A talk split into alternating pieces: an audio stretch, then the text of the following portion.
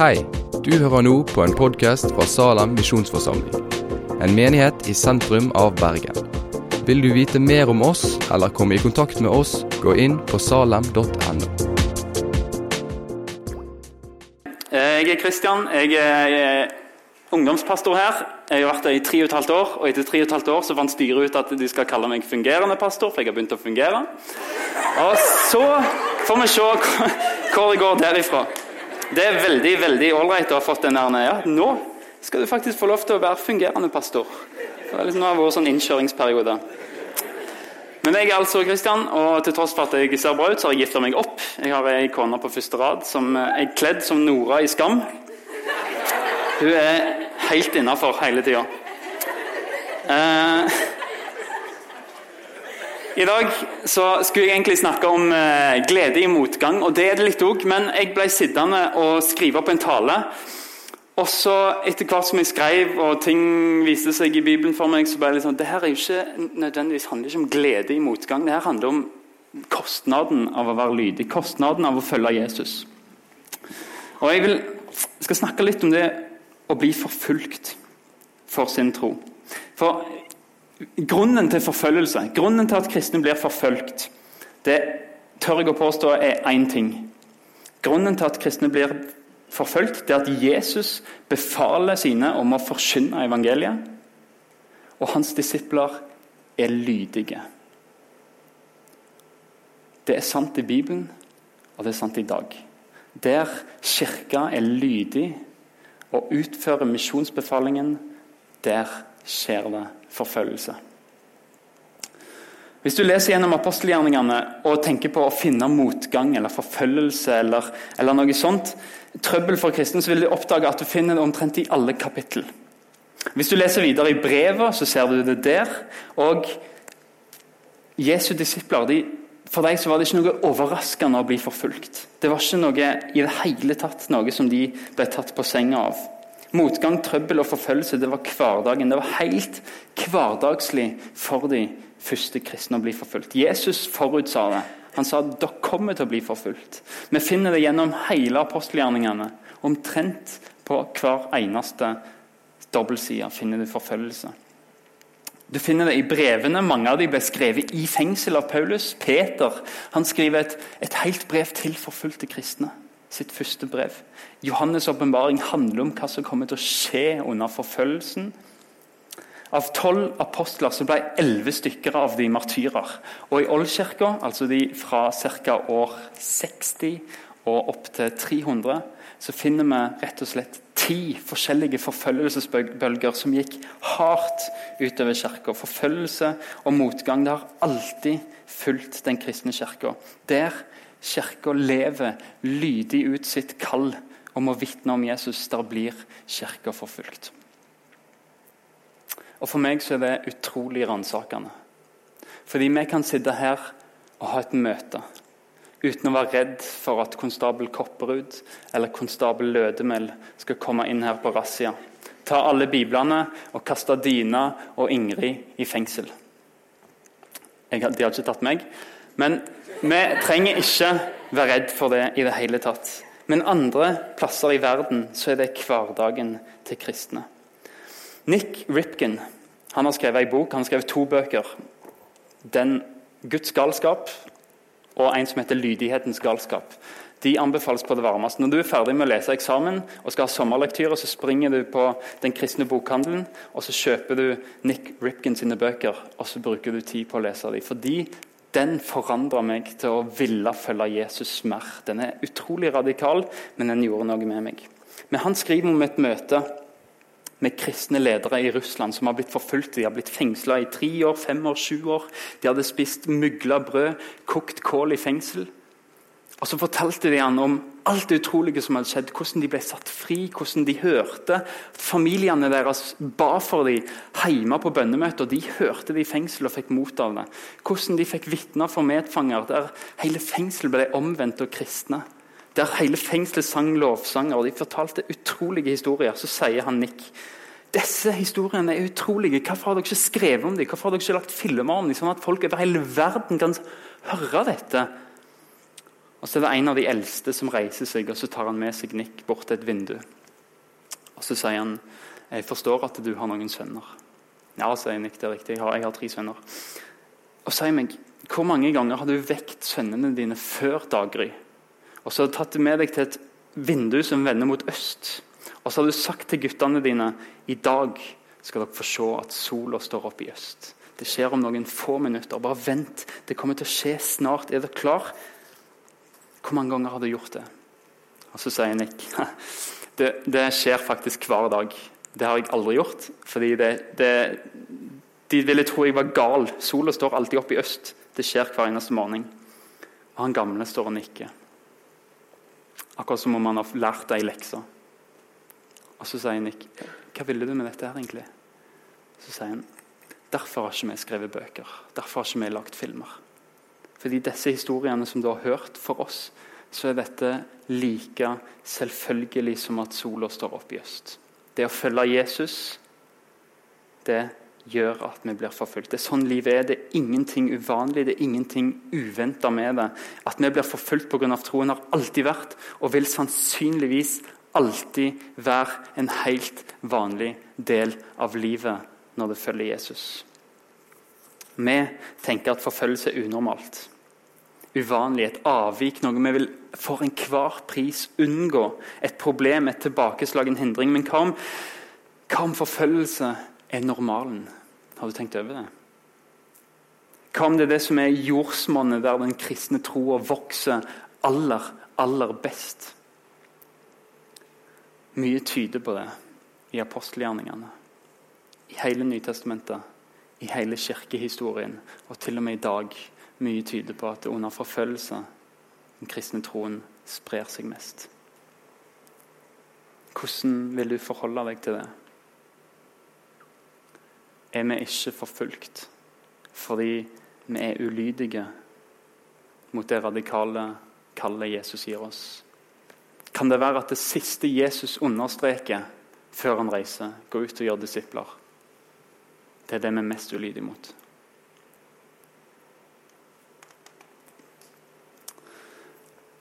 En historie fra apostelgjerningene. Vi finner den i kapittel 5. Apostlene, de, alle tolv, flyr rundt i hele Jerusalem og forteller om Jesus. De vitner og gjør under. Folk blir kristne i hopetall. og De er allerede blitt trua en gang av det jødiske råd. Så hvis dere forkynner mer om Jesus, så skal dere få masse å gjøre. Og Så sier disiplene ja, ja, dere om det, greit. Vi kan ikke la være å tale om det vi har sett eller hørt. Er sånn kristen tro er. Vi kan ikke la være, fordi hvis det er sant, så er vi nødt til å fortelle. Vi kan ikke la være å fortelle. Og Så fortsetter de å forkynne om Jesus. Og Jødene får de pågrepet og kasta i fengsel, alle tolv disiplene. Inn i fengsel med dem. Så om natta kommer det en engel, åpner fengselsporten og sier 'gå ut og forkynn'. Og Så går de ut, og så låser engelen porten faktisk bak igjen. Det er jo stor forvirring dagen etterpå, men det første de gjør første jeg hadde tenkt var ok, nå har vi sjansen til å stikke av fengsel. Vi vil ikke det en gang til. Men det første de gjør, er det, stå opp etter dagen etterpå, ut og forkynne. Og de vet at det kan koste dem utrolig mye. De hadde sjanse til å stikke av, men de har ordtaket 'sikkerhet sist'. Guds befaling først. Jødene de finner ikke apostlene i fengselet. Det var låst, men de var ikke der. Og Så får de etter hvert ord at du, de der tolv dere arresterte i går, de er der ute og forsvinner igjen. Eh, og Så ble de henta inn en gang til, alle tolv. Vi sa jo dere skulle slutte å forsyne. Og så gir Peter et svar som, som, gjelder i den situasjonen, som kan gjelde i mange andre situasjoner. En skal lyde Gud mer enn mennesker. Jeg er mer redd for hva Gud syns om meg, enn hva dere syns om meg, sier Peter. Jeg bryr meg ikke om hva dere gjør med meg. Jeg bryr meg om hva Gud syns om meg. Jødene ble rasende, og de bestemte seg for å rydde disiplene av veien. Og de hadde mulighet, apostlene en gang til. Greit, greit, vi, greit, ok, vi gir oss. Hvis dere skal rydde oss av veien, dette tør vi ikke lenger. Nå, nå stikker vi. De hadde muligheten igjen, men dette var oppdraget deres. Det var dette Jesus hadde befalt dem om å gjøre. Gud hadde sagt det, og da skal vi gjøre det. Koste hva det koste vil. Apostlene blir piska, alle tolv. Og Kanskje er det snakk om de 39 piskeslagene som var vanlige. Du kunne ikke gi en mann 40 piskeslag, for det var dødsstraff. 40 piskeslag det var det samme som dødsstraff. fordi En regner med at etter 40 slag så kom det til ende i døden. Men Jeg vet ikke om det var 39, eller om de piska de på en annen måte. Men det var første gangen kristne lei fysisk fordi de fulgte Jesu bud. Og De fikk streng beskjed om å aldri forkynne mer igjen, og så ble de sluppet ut. Og Der kan du se for deg de tolv disiplene krumbøyde, ryggene deres blør. Og de går ut på gata der de har stått og forsynt.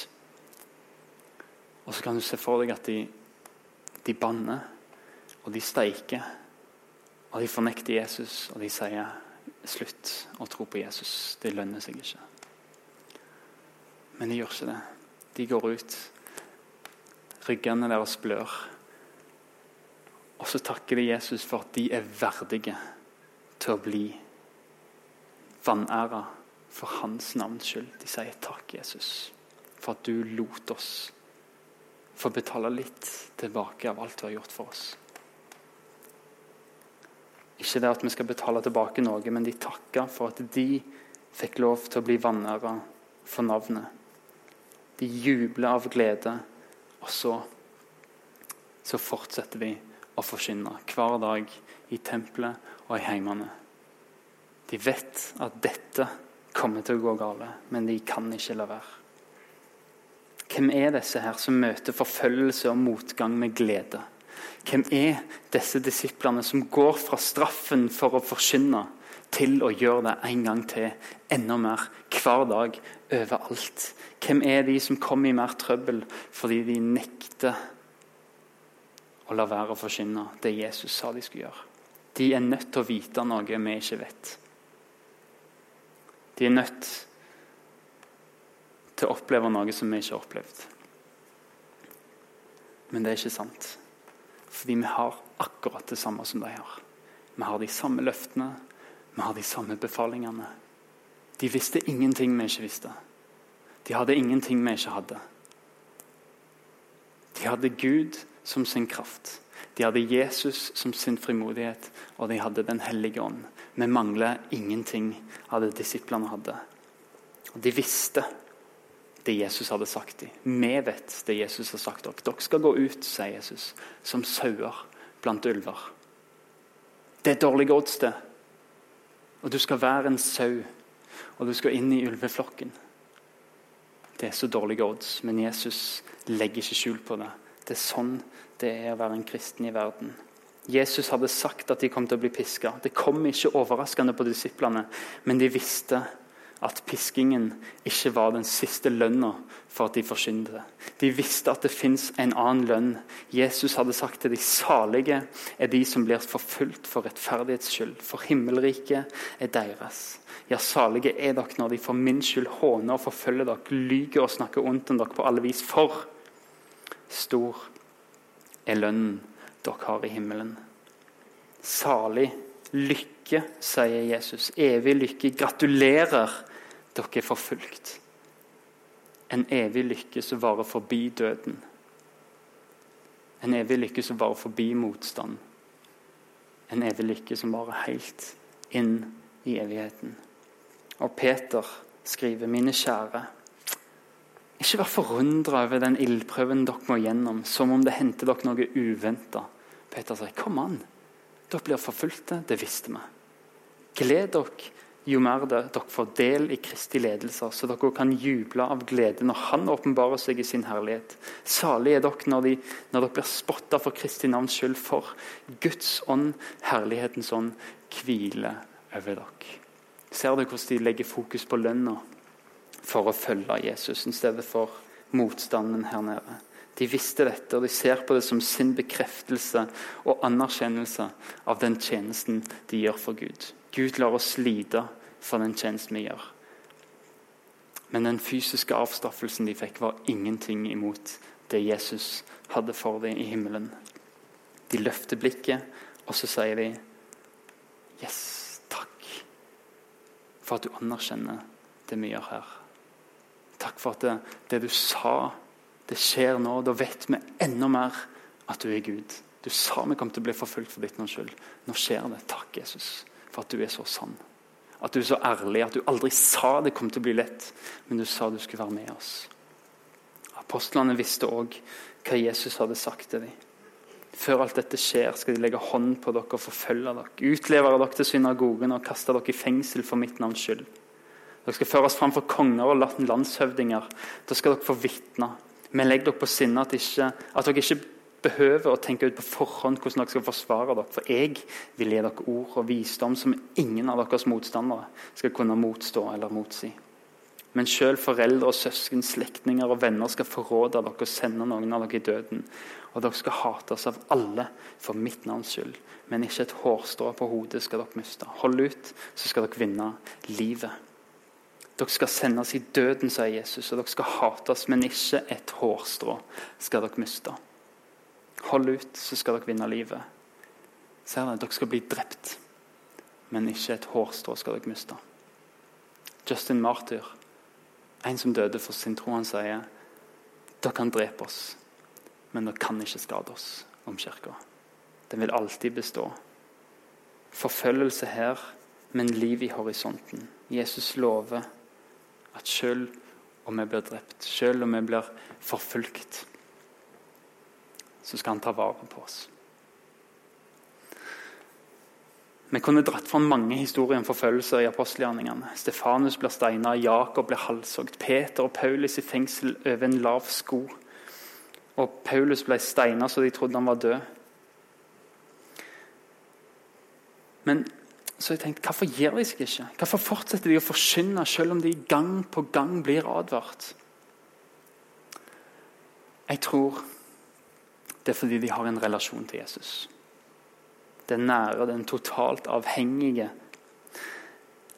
Den relasjonen av Jesus der han ikke bare er venn, der han ikke bare er frelser. Ikke at det er bare bare, men ikke at han bare trøster, men der han er herre. Der han får bestemme alt i livet. Og Paulus skal oppsummere tjenesten sin for de eldste en gang i Efesos. Og Da sier han dere vet hvordan jeg har gått fram hos dere hele tida fra den første dagen jeg satte foten i Asia. Jeg har tjent Herren i all ydmykhet og med tårer i alle prøvelsene jødene har ført over meg med sin onde plan. Dere vet at jeg ikke har holdt noe tilbake som kunne gagne dere. Men jeg har forsynt for dere og undervist både i offentlige og i heimene. Jeg har vitner for jøder og grekere om omvendelsen til Gud og troen på vår Herre Jesus. Og nå drar jeg til Jerusalem, bonde av ånden. Hva som skal møte meg der, vet jeg ikke. Men Den hellige ånd vitner for meg i by etter by og varsler om lenker og forfølgelser som venter meg. Men for meg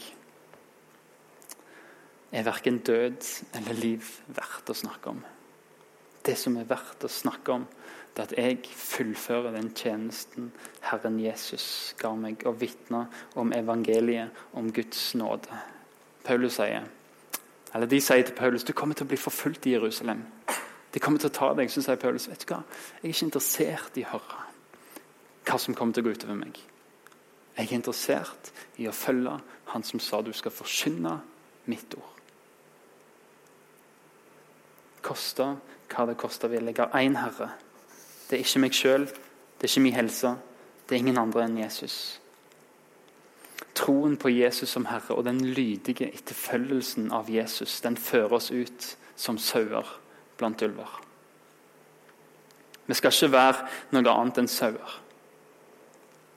Vi skal gå ydmyke med misjonsbefalingen fordi Jesus er Herre og har all makt i himmel og på jord. Og når vi krysser gater for å fortelle om Jesus, når det blir vårt anliggende å hele tida gjøre det som Han befaler oss om å gjøre, så vil du møte motstand. Til og med i Norge, som er det frie landet. Hvis vi lever lydig, så vil vi møte motstand. En utfordring som den forfulgte kirka gir oss. En forfulgt som, som, hadde vært i fengsel, som ble torturert fordi han, han forkynte om Jesus. Han sa Gi aldri avkall i frihet på det vi ikke ga avkall på under forfølgelse. I kristne land med, nei, land med forfølgelse så vitner de, selv om det koster de livet. De vet at hvis jeg forteller om Jesus, så kan det være jeg blir fengsla og torturert. Men de gjør det likevel. Mens vi er fri til å vitne. Men vi bruker ikke den friheten. De risikerer liv og helse. Vi risikerer ingenting.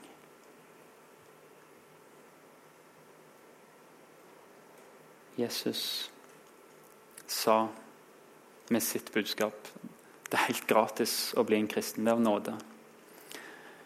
Men han har aldri sagt at det er billig å følge han. Jesus sa hver gang noen kom til han og ville følge han, så sa han selv alt du har, følg meg. Hvis du vil følge meg, så er det akkurat som å bygge et tårn. Du må først sette deg ned og se på kostnadene. Hva koster det før jeg begynner å bygge dette tårnet? Og det sier han til oss òg. Hvis du vil følge meg, så må du sette deg ned så må du se hva koster det å følge meg. For når du følger meg, så vil jeg ha hele hjertet ditt.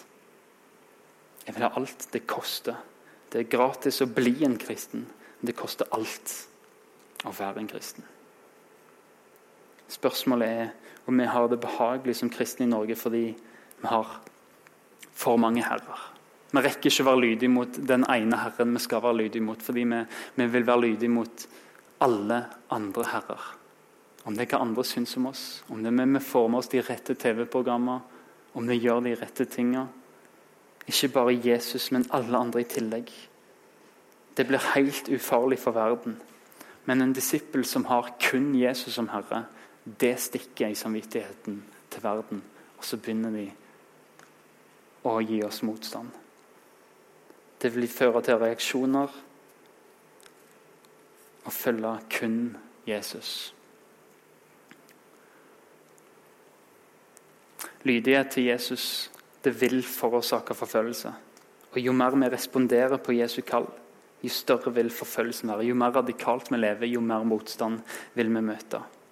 Og Hvis du vil bli kvitt all motstand, hvis du vil bli kvitt all forfølgelse Det er utrolig lett. Ikke fortell om Jesus. Ikke lev sånn som Jesus sier. Ikke en mann vil løfte på fingeren eller løfte øyenbrynet sitt hvis du bare følger etter strømmen, sier du kristen, men gjør ingenting med det. Vil du bli kvitt motstand som kristen, ikke følg Jesus.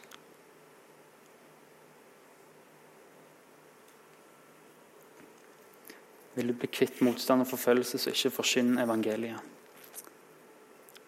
Der er vi kanskje allerede. Og når jeg skrev den talen, så tenkte jeg hvor er det an å si dette? Men det er så klokkeklart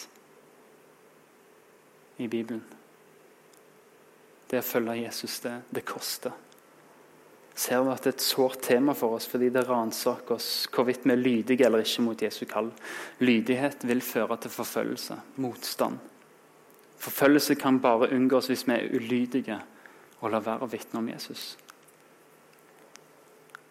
Paulus skriver til Timoteus som er sin disippel, men, men du har fulgt meg i, i lære og livsførsel, i holdninger, tro og tålmodighet, kjærlighet, utholdenhet og i forfølgelser, i lidelser, sånn som jeg ble utsatt for i, i Antiokia, Ikonium og Lystra. Dette kan du lese om i apostelgjerningene.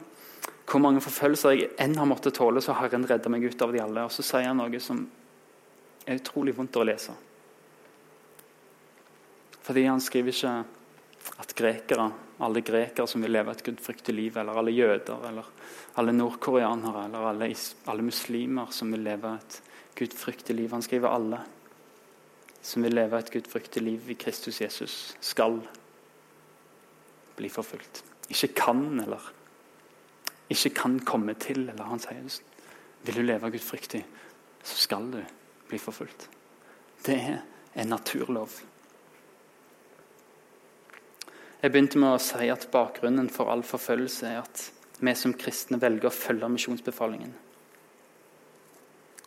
At vi velger å være lydige mot det kallet Jesus har gitt oss. Men misjonsbefalingen er ikke bare en befaling, det er også et løfte. Se.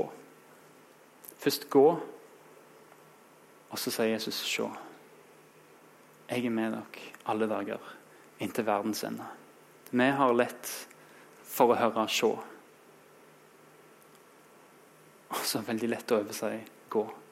Men Jesus sier 'gå' og 'se'. De hører sammen. Gå, så vil jeg være med dere. Det er òg et løfte. Og se jeg med dere alle dager inn til verdens ende. Disiplene var lydige mot Jesu befaling, men de visste at ingenting kunne skade dem, for Jesus hadde sagt han, hjem, han gikk med deg. Derfor var de frimodige, i visshet om at han som hadde all makt i himmel og på jord, han gikk sammen med dem. Og Paulus skriver da hvis Gud er for oss, hvem kan da være mot oss? Og Så spør Paulus senere leseren av romerbrevet hvem kan skille oss fra Kristi kjærlighet. Nød, angst, forfølgelse, sult, nakenhet, fare eller sverd. Som det står skrevet, for din skyld så drepes vi dagen lang. Vi regnes som slakte sauer midt blant ulveflokken. Men i alt dette vinner vi mer enn seier ved Han som elsker oss. For jeg er viss på at verken død eller liv Verken engler eller krefter, verken det som nå er eller det som kommer, eller noen mark, verken det som er i det høye eller i det dype, eller noen annen skapning skal kunne skille oss fra Guds kjærlighet i Kristus Jesus, vår Herre. Ingenting kan skille en disippel fra Jesus. Ikke død, ikke liv, ikke angst, ikke nød, ikke sult, ikke nakenhet, fare eller sverd. Det vil si, du har ingenting du trenger å være redd for. Fordi han som sa 'gå', han sa 'se, jeg er med deg'. Et annet bibelsk prinsipp i møte med forfølgelse det er at motstanden du erfarer her på jord som disippel, det er ingenting opp mot det Jesus kan gi. Paul skriver jeg mener at det vi må lide i den tida som nå er, ikke kan regnes for noe mot den herlighet som en gang skal åpenbares og bli vår. Peter synger de samme tonene, og han skriver derfor kan dere juble av glede. Selv om dere nå en kort tid, om så må være, har det tungt i mange slags prøvelser. Hvorfor, Peter? Hvorfor kan vi juble av glede nå? Det skriver han rett før. Lov å være Gud, vår Herre Jesu Kristi Far. Han som i sin rike miskunn har født oss på ny til et levende håp ved Jesu Kristi oppstandelse fra de døde. Til en arv som aldri forgår, aldri skitnes til, aldri visner. Den er gjemt i himmelen for dere. Dere som i Guds kraft blir bevart ved tro, så dere når fram til frelsen. Den ligger alt ferdig til å bli åpenbart ved tidens ende. Derfor kan du juble av glede, selv om du nå, en kort tid, dette jordlivet, må, om så må være, ha det tungt i mange slags prøvelser. Peter og Paulus de sier ja, vi møter motstand her på jord. Vi legger aldri skjul på det. Det er ingen tvil om. Men prøv å veie det opp mot frelsen. Hva er det at folk gjør narr av deg opp mot at Jesus ble piska for dine synder? Hva er det at du føler deg trakassert mot at Gud har gjort et rom klart for deg i himmelen? Hva er det om du blir kjefta på fordi du vil fortelle om Jesusen din, mot at du har en Jesus som gir deg evig liv? Løft blikket og se arven din som aldri forgår. Den er rustfri. Ingenting kan røre den. Ingenting kan skitne den til. Den visner ikke. Derfor kan du juble av glede. Det er derfor disiplene gleder seg over å bli forfulgt for Jesus sitt skyld. De minner dem om lønnen Jesus har klar for i himmelen.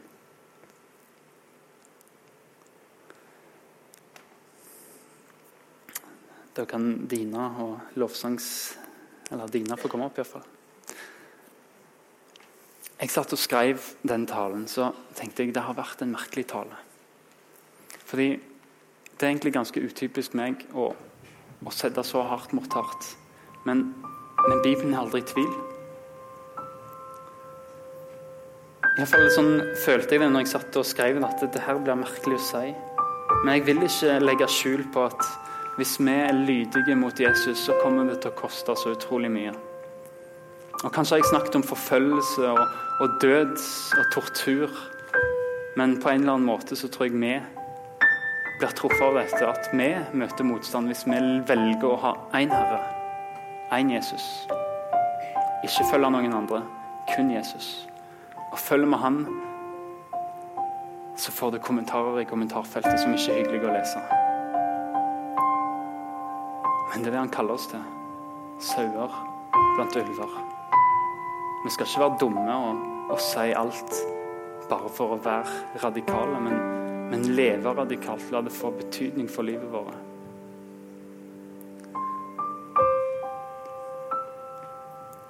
Lydighet mot Jesus det gir økt motstand. Det gjelder i Norge òg. lydighet mot Jesus, det vil få oss inn i trøbbel. Det er ett kjennetegn på en kristen. Eller det er mange kjennetegn, men et av de som alltid går igjen når folk skal beskrive kristne i hele verden, så er det at en kristen er alltid i trøbbel. Fordi han følger Jesus. Og Sånne ting er vondt å høre, fordi det bare utfordrer meg. Det ransaker meg så utrolig på Kristian. Er du klar for dette? Følger du Jesus så radikalt? Paulus skriver til sin disippel igjen, Timoteus. Vær da sterk, mitt barn, med nåden i Kristus Jesus. Det du har hørt av meg i mange vitners nærvær, skal du gi videre til pålitelige mennesker som er i stand til å undervise andre. Bær og du lidelsene som en god stridsmann for Kristus Jesus. Ingen soldat lar seg hindre av dagliglivets gjøremål. For han vil gjøre det som hærføreren vil. Og en idrettsmann må følge reglene om han skal vinne seierskransen. Bonden som arbeider hardt, skal først få av avlingen. Tenk over det jeg sier, for Herren skal gi deg innsikt i alt. Husk på Jesus Kristus. Han som ble reist opp fra de døde og er av Davids ett. Dette er mitt evangelium, og for dette så lider jeg. Ja, jeg er bundet i lenker som en forbryter, men Guds ord kan aldri binde. Derfor utholder jeg alt for de utvalgtes skyld. For at òg de skal nå fram til frelsen i Kristus Jesus og få evig herlighet. Dette er et troverdig ord. Døde vi med Han, så skal vi òg leve med Han. Holder vi ut, så skal vi herske med Han. Fornekter vi, så skal Han fornekte oss. Det er blytungt. Fornekter vi, så skal Han fornekte oss. Hvis du blir stilt på et valg og sier nå Vil du følge Jesus, eller vil du møte motstand? Les det som står. Fornekter du, skal han fornekte oss. Og det er ransakende. Regne ut kostnadene med å følge Jesus. Lydighet, det gir motstand. Men la meg få understreke det neste så bra jeg bare kan. Ta Lytt nå, du som kjenner at dette stikker skikkelig. Du som kjenner at Jesus, dette livet lever jeg ikke. Der var jeg. Dette verset, det neste verset, det var til meg i dag. Ta med deg det siste. Vi trenger det. Når vi prøver å være lydige mot Jesus, når vi ikke greier det, så vit at Paulus ikke var ferdig med å skrive til Timoteus. Han hadde én ting til han ville du skulle få med. Hvis du er troløs, så er han trofast. For han kan ikke fornekte seg sjøl. Vi er kalt til å vitne. Vi er kalt til å være radikale for Jesus, til å leve liv som skaper motstand, til å være lydige i alt. Men vi er så ofte troløse. Vi greier det ikke. Vi tør ikke. Vi er mer redd for hva mennesker vil synes om oss, enn hva Gud befaler oss. Vit da at når du er troløs, så er Jesus trofast. Han kan ikke være noe annet. Han kan ikke være noe annet enn trofast, for det er sånn han er. Og hør hva det betyr. Selv om du er troløs, så er Jesus trofast. Den arven som ligger og venter på deg i himmelen, den ligger der uavhengig av hvordan vi lever. Fordi han er trofast. Og når vi ikke makter å leve det livet som han, han befaler oss om å leve, så, så er han fortsatt trofast og sier 'av nåde'. Fordi jeg døde for deg. Ikke fordi du har vært lydig eller perfekt, men det kan du aldri, aldri gjøre noe med, men, men her Jeg er trofast. Den arven som er uvisnelig, som venter på deg i himmelen, den venter fortsatt. Vil du bare reise deg opp?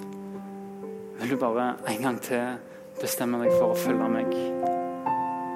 Og så vil Den hellige ånd være med deg. Og så vil jeg være din frimodighet. Og så vil Gud være din styrke. Og så prøv vi en gang til. Og hvis du er troløs igjen, så er Gud fortsatt trofast. Det er sånn han er. Så sier han, reis deg opp. Vær med en gang til.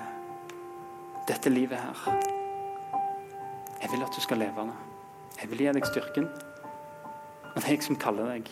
Det er jeg som utruster deg. Og bare prøv, men hvis du er troløs, så er jeg trofast. Og hvis du synder, så er jeg din talsmann hos Gud i himmelen. Jeg er en soning for dine synder. Men jeg vil at du skal leve i radikal etterfølgelse av meg. Fordi det er det beste livet jeg har for deg. Fordi det er det jeg har skapt deg til. Det er sånn jeg vil at du skal leve. Men du kan aldri, aldri endre at jeg er trofast. Uansett hvor troløs du er. Du kan aldri endre det.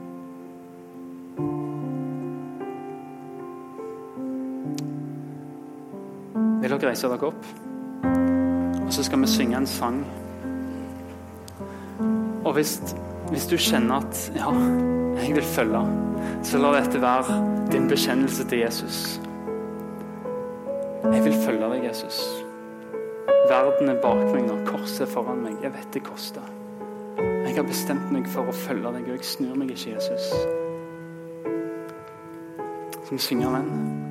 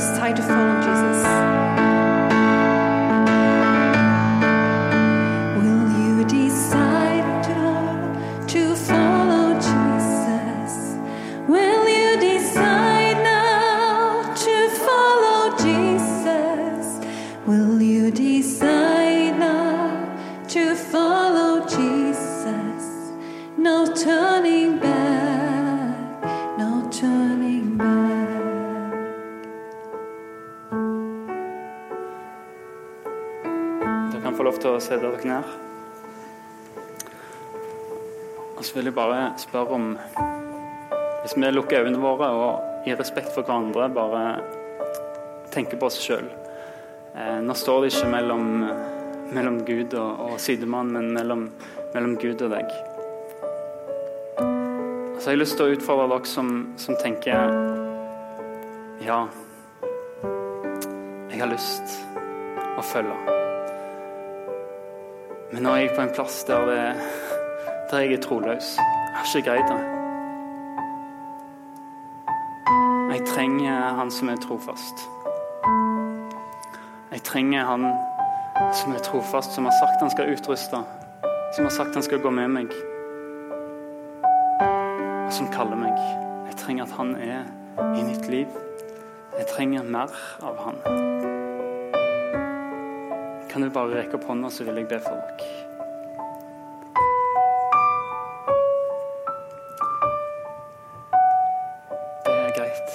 Far. kan du tilgi oss for at vi er troløse?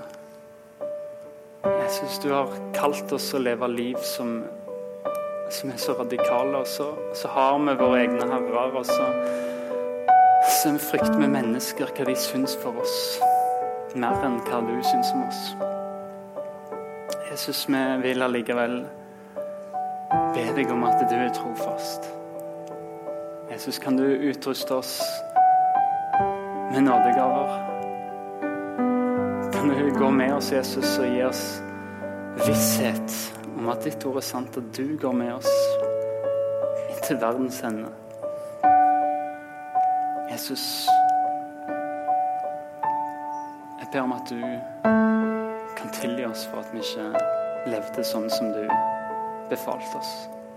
Og takk for at du er trofast. At du du kommer ikke hu våre synder. Og du ber oss om å reise oss igjen og fortsette løpet med blikket på deg som er troens opphavsmann og fullender. Og la oss alltid leve i det løpet, Jesus, at vi ser på deg. At vi glemmer det som ligger bak, og ser på det som ligger foran, som er den arven som du har gjort klar for oss, som er uvisnelig, og som ikke kan råtne. Bare hjelp oss hele tida å ha blikket festa på det du har gitt oss, at vi er dine barn, at vi er dine himmelborgere utruste oss til å leve som det her. Som radikale disipler av deg, Sjafar. Så vil jeg be dere som, som tenker ja, i løpet av denne talen tenker dette har jeg lyst til å være med på. Jeg har vært med på det før, eller jeg har prøvd før, men denne gangen så vil jeg igjen si til Jesus jeg er all in. Jeg har lyst til å være all in, Jesus. Jeg har lyst til å leve for deg. Og det vi gjør nå, det er ikke noe magisk at vi, vi rekker opp hånda og sier 'jeg vil det', men, men, det kan hjelpe oss med å, med å gi en, en, fysisk respons til Jesus på, på, det han kaller oss til. Så Derfor vil jeg bare spørre dere som tenker 'i dag har jeg lyst' å si til Jesus 'yes, dette vil jeg være med på'. Ikke i vår kraft, men i hans kraft. Kan du rekke opp hånda nå?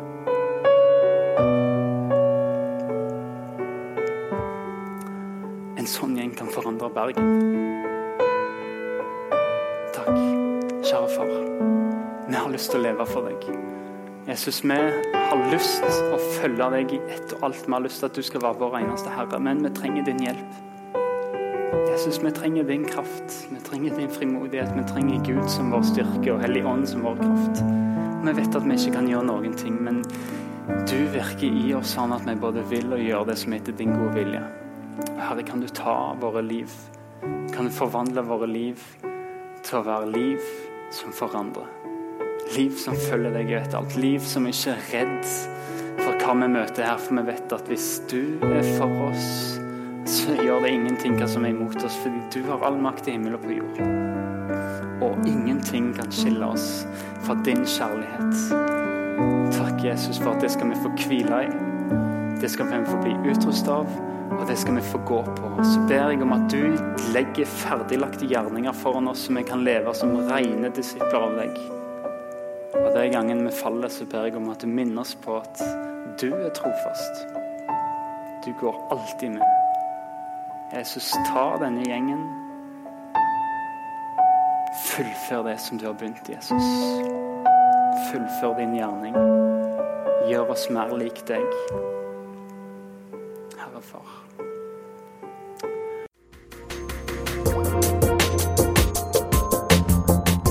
Takk for at du har hørt på podkasten fra Salem, Bergen. I Salem vil vi vokse i et stadig dypere fellesskap med Gud og med hverandre.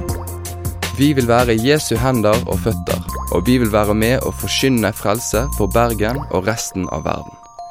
Besøk oss gjerne på salem.no om du vil vite mer.